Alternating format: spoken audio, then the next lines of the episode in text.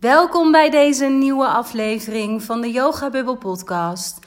Mijn naam is Wendy, ik ben van Yoga Bubble en vandaag wil ik het met je hebben over een thema wat mij sowieso altijd heel erg aan het hart gaat of dichtbij me staat, omdat ik er zelf ja, best wat ervaring mee heb gehad in mijn leven.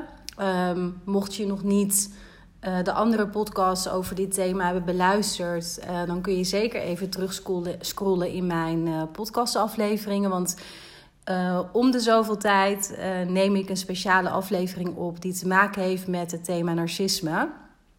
En dan met name gericht op narcisme in relaties, in romantische relaties, soms ook in familiesetting. Want uh, voor mij doet die setting, ja, die doet er wel toe. Uh, maar goed, dat is voer voor een andere podcast. Maar uiteindelijk gaat het over de dynamiek die jij hebt met een persoon met narcistische kenmerken. Uh, of dat nou heel duidelijk is, of heel erg subtiel, of heel zwart-wit, of heel grijs. het gaat over die dynamiek en wat het in jou raakt dat jij op een bepaalde manier aangetrokken wordt tot die narcistische karaktertrekken. En um, het was al even geleden dat ik een aflevering had opgenomen rondom narcisme. En gisteren had ik een ja, mooi gesprekje met een van de dames die ik één op één mag coachen rondom dit thema. Um, zonder dat ik daarover uiteraard te veel in detail kan of wil treden. Um, ja, heeft zij een heel moeilijk jaar achter de rug. Vorig jaar ja, gebeurde er gewoon heel erg veel in haar leven, waardoor alles een beetje op losse schroeven kwam te staan. Uh, ze werd geconfronteerd met ziekte, met uh, dood in haar directe omgeving. En dat maakte dat ze werd gedwongen eigenlijk om stil te gaan staan en ja, zichzelf ook voor het eerst in haar leven, uh, op bijna 40-jarige leeftijd, de vraag stelde: wie ben ik eigenlijk en wat wil ik met mijn leven? Wat zijn mijn behoeftes en wie wil ik zijn? Daar ging het eigenlijk over. En wie ben ik ook echt? Dat heb ik onbewust aangenomen uh, in mijn gedrag, in mijn conditioneringen, in mijn overtuigingen, die eigenlijk helemaal niet voor mij zijn. En dat is ook mijn persoonlijke ervaring, dat je heel vaak dit soort grote gebeurtenissen in je leven nodig hebt om überhaupt tot dit soort ja, bijna existentiële vragen te komen. Hè? Want als het leven gewoon ja, als je het leven gewoon leeft, zal ik maar zeggen, dan, ja, dan ben je daar vaak niet zo mee bezig. En uh, we leven ook vaak in mijn ervaring de eerste, nou wat is het, 20, 30, voor sommige mensen 50 jaar en voor sommige mensen altijd, hè. Maar een wat onbewuster uh, leven. En je leeft gewoon, je doet, je bent je niet zo bewust van je patronen vaak, of van je overtuigingen, of van de regie die je kan pakken over bepaalde situaties. Uh, veel mensen hebben ook nog een bepaalde mate van emotionele onvolwassenheid, die vaak uh, best wel lang met ze mee kan lopen. Uh, en ook dat heb ik zelf dus in mijn eigen leven zo ervaren, totdat het moment daar is en ja, je dus iets heftigs meemaakt vaak. Een soort van live event, zoals ze dat zo mooi noemen. Um, en voor sommige mensen is dat een burn-out, is dat een scheiding. Um, nou, en bij deze dame was het dus ziekte en een sterfgeval in haar directe omgeving. Um, en ineens werd ze dus stilgezet. En los van dat ze naar zichzelf ging kijken, maakte dat ook dat ze ja, allerlei facetten in haar leven ook opnieuw, en misschien wel voor het eerst eigenlijk zou ik willen zeggen, echt kritisch onder de loep kwam. Waaronder ook haar relatie. En op dat punt begon ze zich te realiseren dat het niet helemaal klopte. En heel veel meer dan dat kon ze, ja, toen ik met haar kennis maakte, ook niet beetpakken. Uh, ze was bij mij uitgekomen, ook via deze podcast, ook via een aflevering over narcisme. Ik dacht dat het de aflevering was met hoe je narcisme kunt herkennen in relaties. Um, kleine disclaimer, dat zijn altijd ja, het is altijd vanuit mijn visie, vanuit mijn optiek natuurlijk. En narcisme is ook echt iets ja, wat niet in mijn beleving niet zwart-wit is. En waar het vaak heel erg over ontzettend veel grijs gebied gaat. Uh, maar er zijn wel bepaalde gedragingen, bepaalde kenmerken waar je het aan kunt herkennen. En zij was door die aflevering heel erg getriggerd, omdat ze zich in één keer besefte: wacht eens even, ik voel al wat langer een onheimisch gevoel in mijn relatie. Ik ben bezig met bepaalde vraagstukken. Ik merk dat ik niet daarin de steun kan krijgen van mijn partner. Met wie ben ik eigenlijk ook getrouwd? Wie is hij eigenlijk? Wie ben ik? Um, en toen stuitte ze via via op dus mijn podcast over narcisme. En in één keer um, dacht zij, zoals ze dat tegen mij zei ik kan alle boxjes eigenlijk wel aftikken die jij beschrijft. En het zal toch niet zo zijn dat ik dan uiteindelijk dus met een narcist getrouwd ben. Nou, toen zijn we een heel traject ingegaan. En voor mij gaat dat nooit over die relatie. Want het gaat altijd over, de, in dit geval, de vrouw in kwestie. En wat het is, nogmaals, wat in haar wordt geraakt daardoor. En nou, we hebben maanden erop zitten van helemaal ontrafelen. Van wat is nou inderdaad van jou en wat niet. Wat heb je onbewust aangenomen als jouw waarheid en als jouw identiteit soms ook. Hè? En wat zit daar dan onder? Wat echt jouw pure ware kern is. En klopt dan uiteindelijk deze relatie bij jou? Ehm, nou, daar wil ik dus niet te veel over in detail treden. Maar ik had gisteren met haar ehm, een heel mooi gesprek.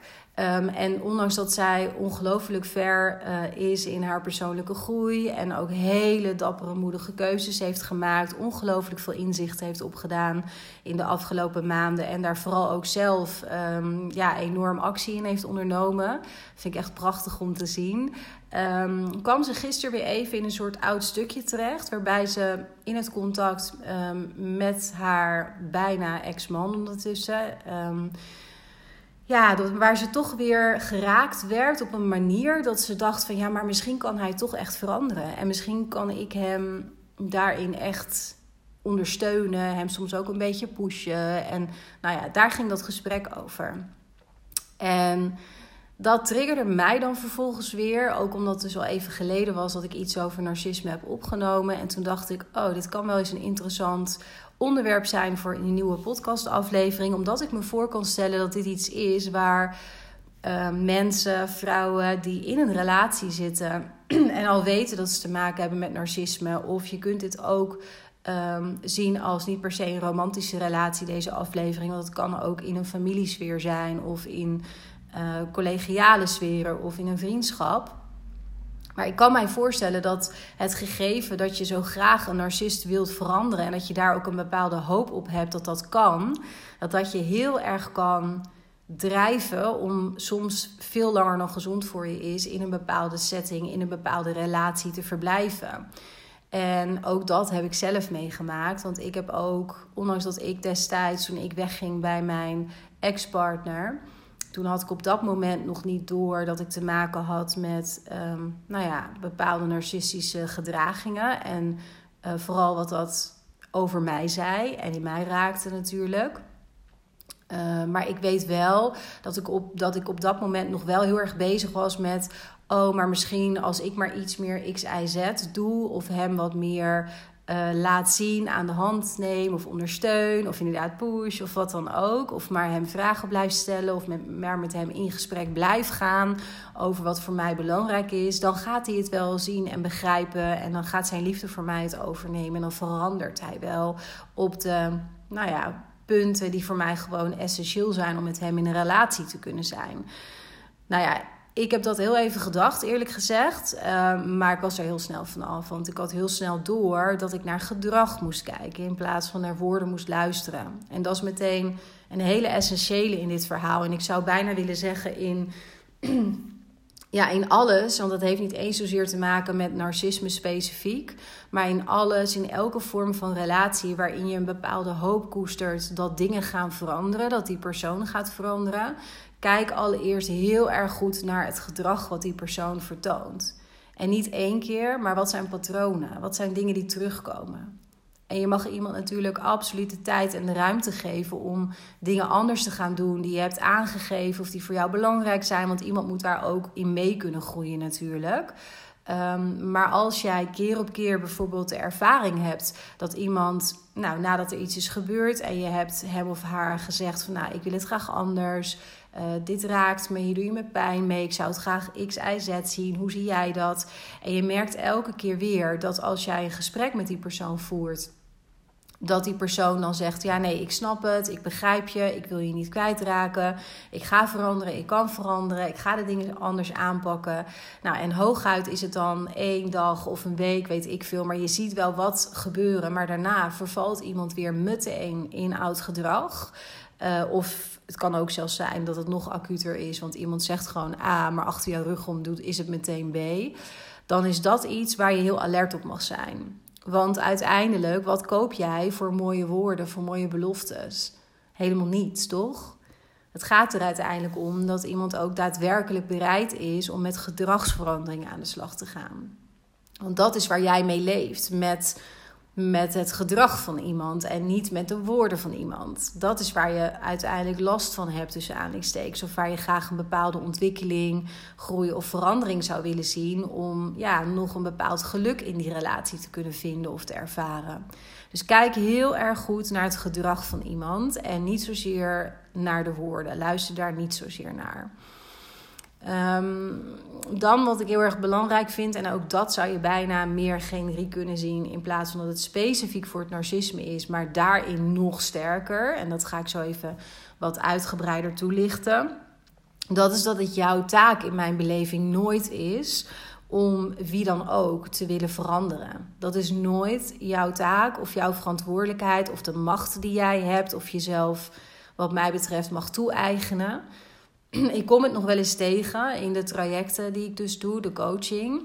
Ehm, dat vrouwen ehm, de neiging hebben om hun partner of de persoon waar ze op dat moment mee in een lastige dynamiek zitten, dat ze dan ja, de boel willen forceren. Hè? En echt een soort gedachte hebben: ja, maar als ik maar genoeg X, Y, Z doe, wat ik net ook over mezelf zei dan forceer ik op een bepaalde manier wel dat er verandering gaat komen en dan kan hij of zij niet anders meer.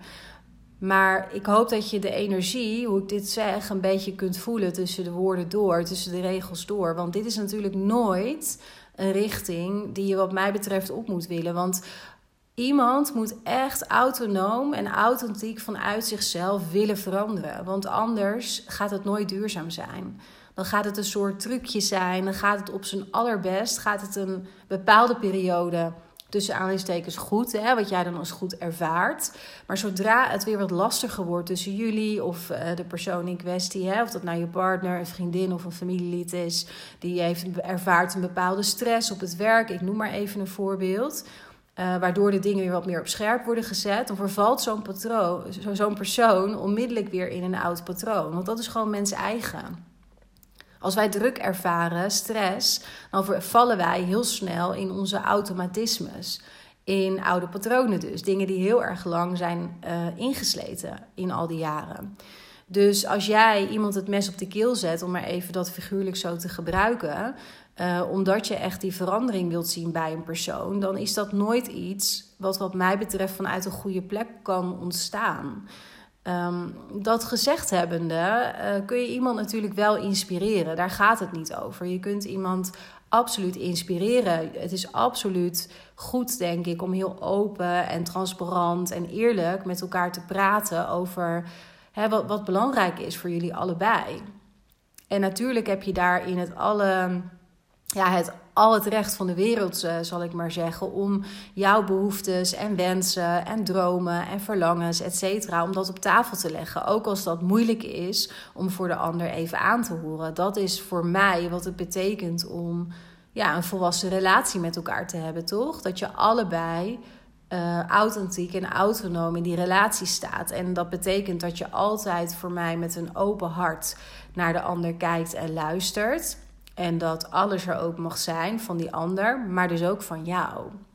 En dat je dat over en weer, ook al is een boodschap misschien niet altijd prettig op dat moment, maar dat je het altijd met een bepaalde, uh, ja, sowieso goede intentie natuurlijk uh, vertelt en deelt, omdat je samen verder wilt en daar beter uit wilt komen. En of dat je zelf op dat moment misschien even in een wat lastige periode zit uh, en gewoon de steun nodig hebt van de ander. Dus dat vind ik ook heel erg gezond. Maar op het moment dat jij zo'n gesprek aangaat met, met die ander en uh, je doet dat vanuit een intentie om die persoon echt te willen veranderen, dan, dan is dat wat mij betreft nooit een goede intentie, omdat dat gewoon niet jouw verantwoordelijkheid is. Niet jouw taak en je moet jezelf ook die macht, wat mij betreft, niet toe-eigenen. Dat moet echt vanuit die ander komen. En nogmaals, je kunt de ander wel inspireren.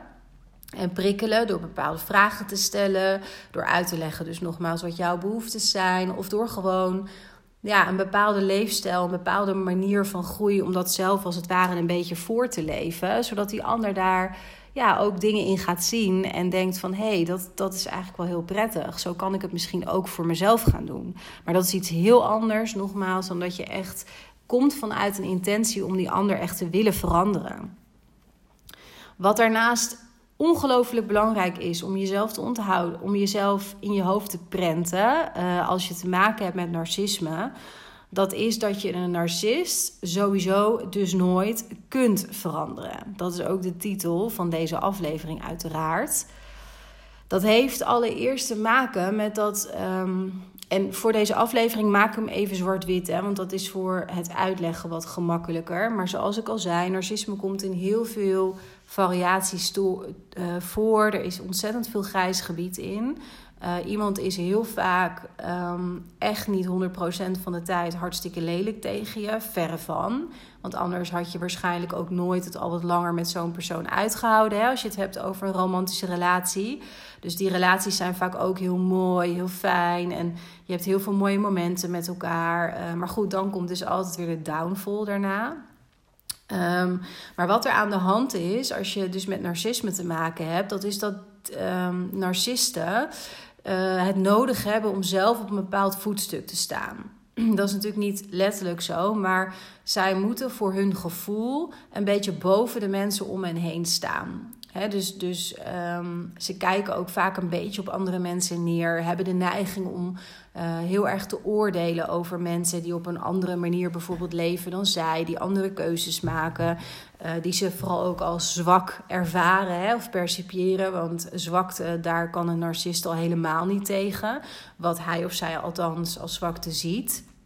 Dus ze hebben het heel erg nodig om zelf een bepaalde eigenwaarde aan te ontlenen, om op een voetstuk te staan ten opzichte van andere mensen.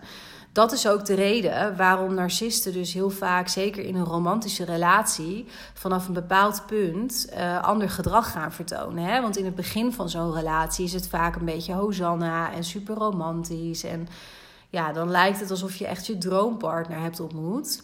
Uh, kaartjes, je woont misschien heel snel samen of er komt heel snel een huwelijksaanzoek. Dat zijn allemaal ja, elementen die heel erg thuis horen bij een, ja, een startende relatie met een narcist. Dat zeg maar die liefde moet heel snel voor de externe omgeving ook op een bepaalde manier bezegeld worden. Um, maar dan op een bepaald punt gaat dat gedrag veranderen. En dan zie je dat een narcist bijvoorbeeld figuurlijk naar beneden gaat trappen. Dus die gaat je manipuleren, die gaat de dingen verdraaien, die gaat jou laten twijfelen aan je eigen waarneming of gevoelens. Die gaat zeggen: joh, zeur toch niet zo, uh, je bent veel te gevoelig, wat een onzin dit. Uh, alles van tafel wat voor jou eigenlijk belangrijk is, maar waar hij of zij niets mee heeft of niets mee kan. Um, en dat wordt dan vaak ook weer een beetje, want dat is de, de, het moeilijke met narcisme, met een mantel der liefde soms een beetje bedekt. Dus het is vaak een hele complexe structuur, een complexe dynamiek. Um, maar dat voetstuk, dat als, als zij dat van jou niet krijgen, doordat je op een bepaalde manier een aanbidding tussen aanhalingstekens naar die ander hebt, dan zullen ze dat dus um, ja, als het ware zelf gaan creëren door naar beneden te gaan trappen. En dus ja, regelmatig niet zo uh, tegen de ander te doen. Dan wel um, ja, heel erg te veroordelen, te manipuleren, nogmaals, dingen te verdraaien. Um, ja, alles uiteindelijk met als doel dat jij je kleiner gaat voelen dan, dan hem of haar. Dus wederom dat, dat hij of zij op dat voetstuk kan blijven staan. Wat daaraan vastzit ook, is dat um, een narcist vanuit dat voetstuk, vanuit dat ze zich eigenlijk beter, sterker, mooier, fitter, knapper, intelligenter, rijker, wat dan ook, voelen en zien dan de mensen om hen heen. En dat het voor hen ook heel belangrijk is om dus een bepaalde eigenwaarde aan te ontlenen. Um, is, dat is bijna inherent hieraan, is dat ze eigenlijk nauwelijks zelfreflecterend vermogen hebben. Zo niet, helemaal geen. Want denk er maar heel logisch over na. Op het moment dat jij uh, over een dosis zelfreflectie beschikt, dan vraagt dat van je dat je gewoon regelmatig van dat voetstuk afstapt. Want dan moet je jezelf aankijken in bepaalde situaties, je eigen aandeel onderzoeken in een bepaalde, uh, nou ja, bepaalde situatie, een bepaalde discussie, iets wat niet goed loopt. Uh, zelfreflectie vraagt van je dat je dus echt reflecteert op je eigen gedrag en op hoe jij overkomt op anderen. En dat vraagt nogmaals dat jij gelijkwaardig bent aan andere mensen. Sterker nog, dat je af en toe zelfs accepteert dat een ander, of niet af en toe, maar gewoon regelmatig zou ik willen zeggen, accepteert dat een ander uh, iets misschien ja, nou ja, beter, tussen aanleidingstekens niet helemaal het woord, maar beter ziet dan jij. Of je iets kan leren ergens over of wat dan ook. En op het moment dat jij het nodig hebt om op dat voetstuk te staan als narcist en naar beneden te trappen en te manipuleren, et cetera, om jezelf beter te voelen, dan staat dat natuurlijk haaks in zekere zin op dat, die zelfreflectie. En als ik dan het volgende stapje even afmaak, want dan zijn we er, waarom dus ja, een narcist nooit zal veranderen. Wat heb je nodig om te kunnen veranderen? Zelfreflectie. Als jij niet kunt reflecteren op je verleden, op je gedrag, op hoe jij denkt, op hoe je je uit, uh, op bepaalde patronen die je bewust of onbewust inzet, dan zul je nooit kunnen veranderen. Want dan blijf je gewoon doen wat je altijd al deed. En dat is de kern waarom je narcist dus nooit zult kunnen veranderen. Nog los van wat ik in het begin zei, dat ik vind dat het ook niet jouw taak, verantwoordelijkheid is of in jouw macht hoort te zijn of hoort te liggen, is het ook echt oprecht iets wat nooit zal gaan gebeuren. Echt nooit. En wat ik heel erg vaak tegenkom in de coaching trajecten die ik doe op het vlak van narcisme, of het nou gaat of deze dames ik heb dames in coaching trajecten gehad die getrouwd of, of een relatie hadden met een narcist. Uh, die een ex hadden uh, die narcistisch is, met wie ze een kind ook hadden en hoe ze daarmee om moesten gaan. Uh, ik heb dames, op dit moment heb ik een dame nog in de coaching, um, waar een van de ouders extreem narcistisch gedrag altijd heeft vertoond. Um, ik heb ook dames in mijn trajecten gehad en nu ook nog één, waarbij er sprake is van een ja, een affaire waarbij die ander dus nog in een andere relatie zit. En die is heel narcistisch, maar daar wordt die vrouw dan toch door aangetrokken. Uh, en wat ik dus elke keer merk in dat soort dynamieken, in dat soort settings. Um, los even van de inhoud, want ik heb sowieso nooit ergens een, een oordeel in, in die zin over. Um, maar dat er heel erg lang gevaren kan worden op hoop op de hoop, waar ik het ook in het begin van deze aflevering even over had, op de hoop dat iemand, die narcist in, in dit geval, maar dat iemand anders echt gaat veranderen. En dat jij dat kunt bewerkstelligen. En dan kom je op een, op een uh, bepaald punt in een soort eindeloze cirkel terecht. Een soort negatieve spiraal zou ik willen zeggen. Waarin er elke keer een bepaald drama is eerst. Nou, daarna heb je een gesprek met elkaar. Dan worden er mooie dingen beloofd. En daarna ga je vol goede moed de volgende dag van start weer. Um, en dan gebeurt er weer wat, waardoor je weer eerst aan jezelf gaat twijfelen.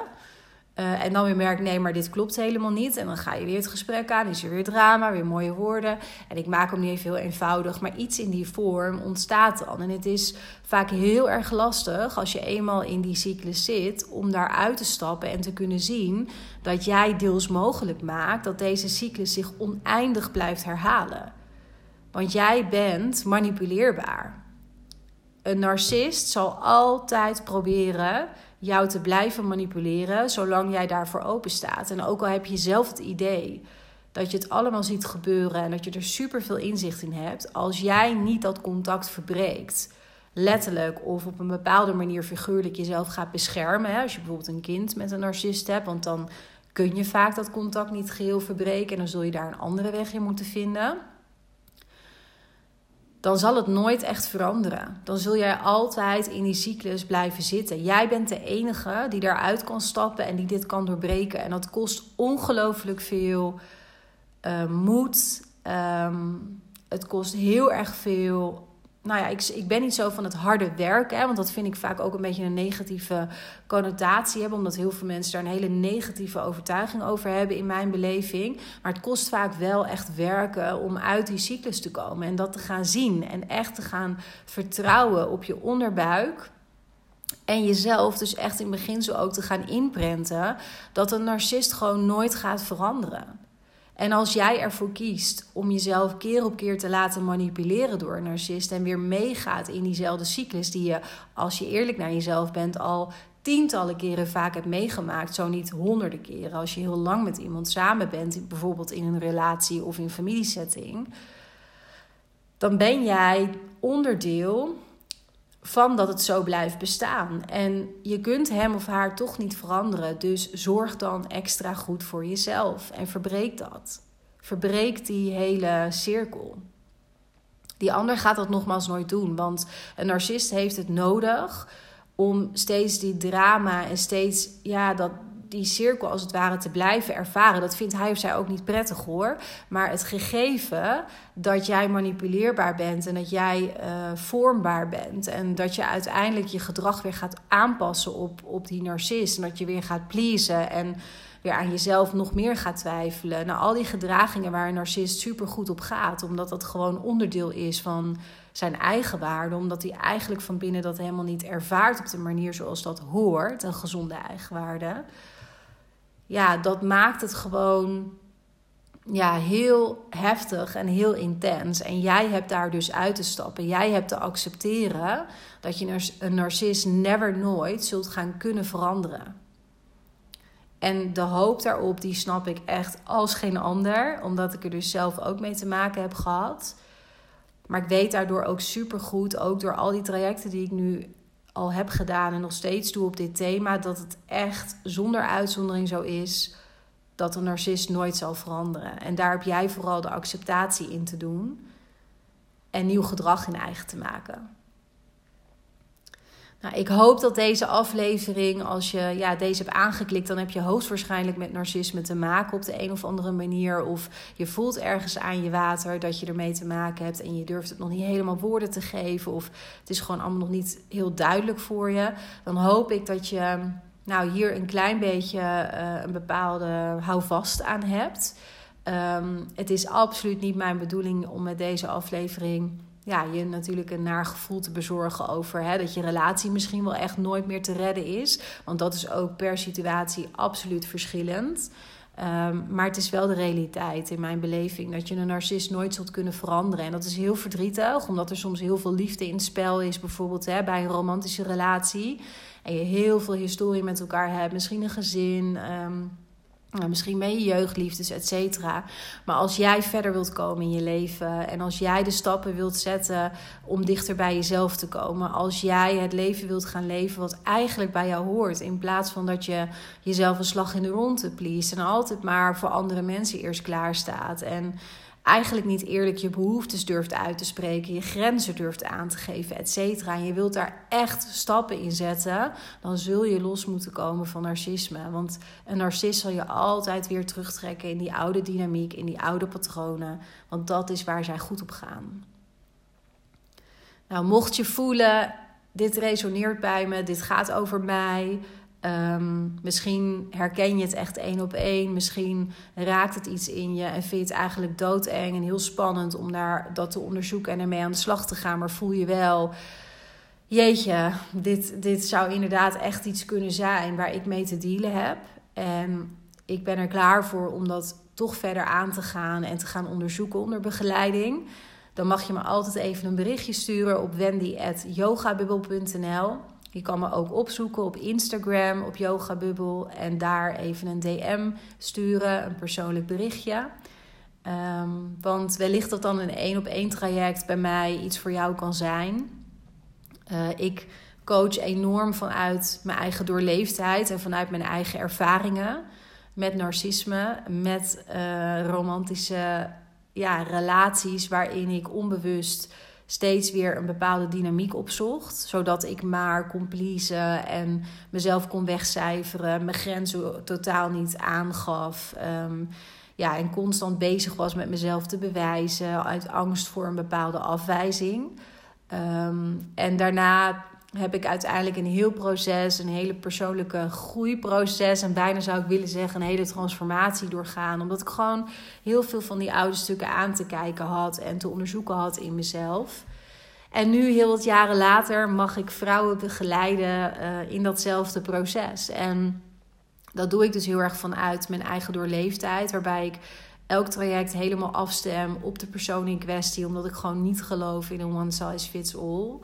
Ehm, en als dit je aanspreekt, dan mag je me dus altijd even mailen. Nogmaals op wendy.yogabubbel.nl eh, dan kunnen we een vrijblijvende kennismaking inplannen. En als we dan over en weer een klik voelen. En ik denk ook echt oprecht jou te kunnen helpen.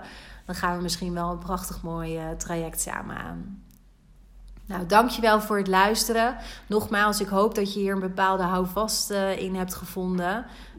of een bepaalde inspiratie of een bepaald inzicht uit hebt kunnen halen. Um, en ik wens je voor nu een hele fijne dag.